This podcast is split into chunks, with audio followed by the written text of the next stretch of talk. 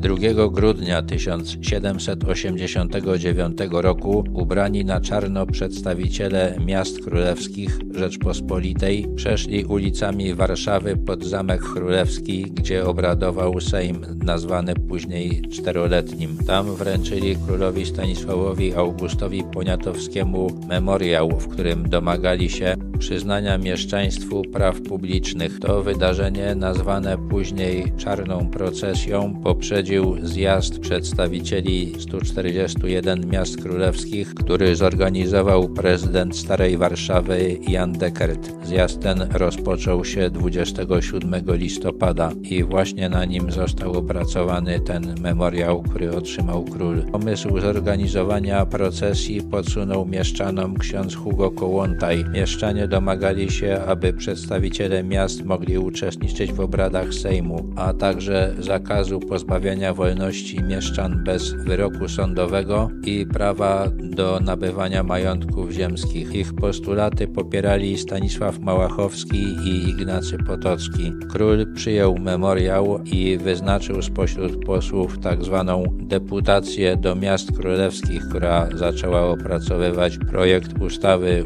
uwzględniającej postulaty mieszczan. Jako przedstawiciel miast uczestniczył w jej pracach Jan Dekert. Projekt ustawy o miastach był głosowany w Sejmie 1 marca 1791 roku i został odrzucony głosami konserwatywnej opozycji. Wkrótce potem jednak przeciwny reformom poseł Jan Suchorzewski przedstawił własny projekt, który dawał mieszczanom prawo wysyłania 24 swoich przedstawicieli na obrady Sejmu dotyczące spraw miast z głosem doradczym. Zabraniał też pozbawienia mieszczan wolności bez wyroku sądowego i dawał im prawo nabywania majątków ziemskich. Przyznawał też prawo do sprawowania urzędów i otrzymywania stopni oficerskich. Ten projekt z poparciem króla został ostatecznie przyjęty.